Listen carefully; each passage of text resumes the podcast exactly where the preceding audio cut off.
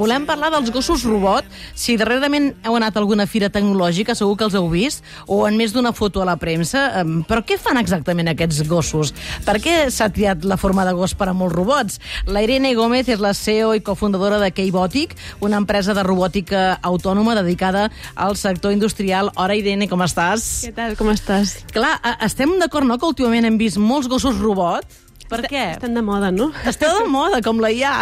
bueno, al final és una tecnologia nova, no? Mm, Les, els robots de rodes fa molt, molt temps que existeixen i, i sí que és veritat que els robots de, de potes fa que puguis anar a tres dimensions, escales, puguis pujar escales, puguis anar, una persona pot anar. Mm. Ara entrarem a parlar del vostre, concretament, però en general, quines aplicacions tenen els gossos robot? Podem anar, una persona pot anar, no? Hi ha llocs on les persones no haurien d'estar anant-hi, no? Llocs perillosos, amb, amb gasos inflamables, tòxics, amb, amb casos de rescat. Hi ha, hi ha moltes aplicacions o a mines subterrànies. Eh? Hi ha molts llocs on les persones no hi haurien de ser. El que passa és que no hi ha robòtica suficientment complexa com per poder per poder-la portar no? Mhm. fins ara. Clar, i, i per què s'ha triat i s'ha estès tant la forma de gos i no d'altres animals? Jo crec que és més dir com... Què és el que vols dir-li, no? També el podríem dir jaguar, o li podríem dir sí, molts que és un gos, però potser és un altre, clar, El, el que tipus. sí que és veritat és que quan nosaltres dissenyem el robot, el, el gos, eh, el keeper, el que hem fet és agafar molt el que fa, per exemple, un gos labrador. I Clar. hem mirat molt com camina el gos per poder fer-ho nosaltres, no? Ah, I aquí és la idea, també. Clar, n'hem arribat però, a veure alguns amb estètica agressiva. No sé si per algunes feines concretes va millor així. Eh, home, jo crec que no, eh? La- L'estètica agressiva mai és agradable, no? Uh, Però que te l'imagines, no sé, disparant a vegades, eh, alguns, alguns gossos d'aquests robots. jo crec que la, la ciència-ficció tampoc ha ajudat molt. Clar, clar, això és Eh? veritat. Eh, la realitat és, és, és bastant diferent. Mm. Bueno, de fet, hi ha molts robots pensats per ajudar o atendre persones grans que viuen soles, no? Eh, I, en canvi, els gossos sembla que van més dirigits a sectors industrials. Seria una mica aquesta la diferència? Per què això? Bé, la robòtica de rodes portem, tots tenim una, un, una rumba a casa, una Sí. aspiradora autònoma, no? Per tant, això ja està normalitzat i és una cosa que no és perillosa. El, els robots de, de, de potes és algo tecnològicament molt nou. No portem més de 5 anys que existeix alguna així, no? Llavors, eh, que podrà arribar a totes les cases, segurament sí, també en diferents formats. El tema aquí clau, i per això m'avanço una mica, és que siguin autònoms. Els gossos robots de potes, la majoria no ho són. Ah, no? Són teleoperats. Oh, clar, no, com un, un cotxe teledirigit que de tot entenem. Exacte. I clar, la gràcia és que són autònoms, que és la vostra proposta? Clar, és una Home, està molt bé. Doncs va, anem a parlar del Caper, que és el vostre gos robot. Uh, per quin tipus de feina està dissenyat el Caper? Anem bàsicament a inspeccions industrials, això vol dir manteniments industrials.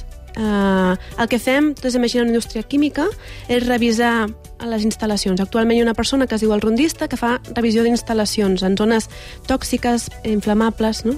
Llavors el que fem nosaltres és revisem fugues de gasos, fugues de vapor, revisem, fem lectura de manòmetres, eh, instrumentació, no? I enviem una alerta al centre de control quan hi ha una incidència. Mm, o sigui, clar, és, és, és fa la ronda de seguretat i la fa el gos. Clar, m'ha interessat molt això que dius, no? Perquè és veritat que en el Mobile World Congress la foto eren d'uns gossos, però eren teledirigits. Me'n recordo perfectament que anàvem al comandament, no?, i, i anaven amunt i avall. Clar, el fet que sigui autònom, amb quina tecnologia funciona això?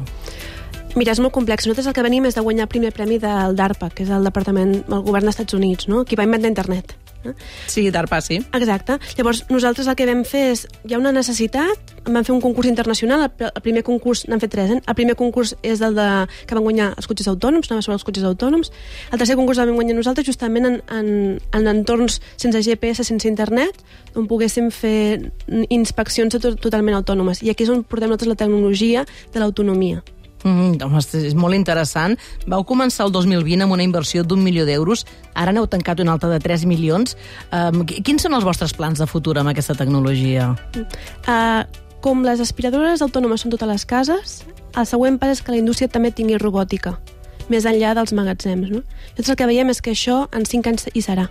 Nosaltres volem ser els primers a ser-hi. A ser De fet, eh, exemples pràctics, eh, explica'ns alguna feina que hagi fet per alguna empresa concreta. Crec que, per exemple, heu treballat amb els bombers de Barcelona. Estem treballant-hi amb carburos metàl·licos d'Air Products, amb BASF i amb diverses químiques que treballem. Hi ha algunes que no, tampoc no, no puc explicar-ne molts més, no puc dir molts més noms encara, però sí que hi ha aquí una indústria química brutal, no? A, a, a Catalunya hi ha una indústria química molt gran i, i és un win-win. A ells els hi va bé perquè és un producte que poden fer servir i nosaltres ens bé perquè també està molt a la vora. Clar, i, i una altra de, de, la, de les vostres idees de negoci és interessant perquè feu un plantejament de lloguer.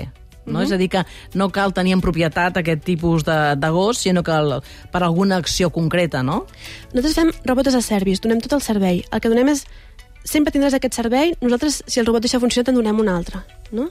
Sempre tindràs el servei. Llavors, el que volem és que s'implementi, que no hi hagi eh, una inversió inicial, que no hi hagi cap risc, que no hi hagi fricció amb els clients. No? Uh -huh. I ho fem d'una forma així molt àgil. Mm. Clar, m'imagino, no sé si una empresa, per exemple, contracta i diu, va, vull tenir el Keiper, vull dir, perquè, no sé, per tenir, hem de fer un canvi, hem de fer, no sé, vols un, un robot, han de saber, mm, han de tenir coneixements de robòtica? Zero. La gràcia quina és? Que nosaltres fem és, um, ara diré un palabrejo, eh? un end-to-end. -end què, què vol dir? Que el robot s'engega o comença a funcionar com la rumba. I no només això, sinó que a més a més nosaltres donem l'aplicació final al client. Donem aquestes alertes. Enviem, detectem les incidències amb intel·ligència artificial, amb moltes, amb moltes coses, no? amb sensòrica, i després enviem l'alerta. El client únicament ha d'engegar-lo i dir-li per on ha de passar i ell funciona sempre sol. Uh -huh. Escolta, algun dia podrem conèixer el Keiper aquí a l'estudi mm, Jo crec que sí, no? Podem a, Estàvem a punt de portar-lo avui, però al final no ha pogut ser, no? Exacte, sí. Perquè dius que és com... Bueno, Clar, quan medeix, més o menys? És un, un gos labrador. Ah. O sigui, és gran, eh? És un, sí. és un gos gran. O sigui, és suficientment gran com per pujar escales, suficientment petit com per passar per portes. Uh -huh, doncs ja el coneixerem aviat. I, i aleshores, eh, com ens hem d'imaginar no sé quina tecnologia dins, és a dir, per exemple, té els ulls es fan servir de càmeres, m'ho estic inventant, eh? Mm. Però... El robot té cinc càmeres integrades i després hi fiquem sensor, sensors a sobre, des de càmeres tèrmiques a càmeres zoom, eh, a micròfon d'ultrasó, i amb tot això fem la detecció i mapatge 3D de tot l'entorn. Mm, clar, la veritat és que, que sí que ho, ho veiem com no? una cosa que graciosa, ens fa gràcia, ai, el gos, i ara veiem que té unes aplicacions realment serioses, mm -hmm. no? Clar, a, a, aquesta és la gràcia, eh? que ara hi ha efecte wow, però que nosaltres el que volem és que això acabi sent una part més de l'equipament de les indústries. I, I ho veiem, eh? És a dir, quan anem als clients, veuen les diferents aplicacions, és brutal. Mm -hmm.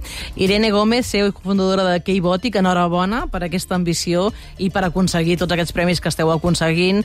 És a dir, que, que hi ha futur a Catalunya amb la robòtica, no? que això també costa, no?, també això? Bueno, hi ha molta gent molt bona, eh? L'equip és molt, molt, molt bo i tots estan aquí, sí, sí. Per tant, enhorabona a Keibòtic per tot això que, que feu i que, que aconseguiu a nivell mundial. Gràcies. A vosaltres.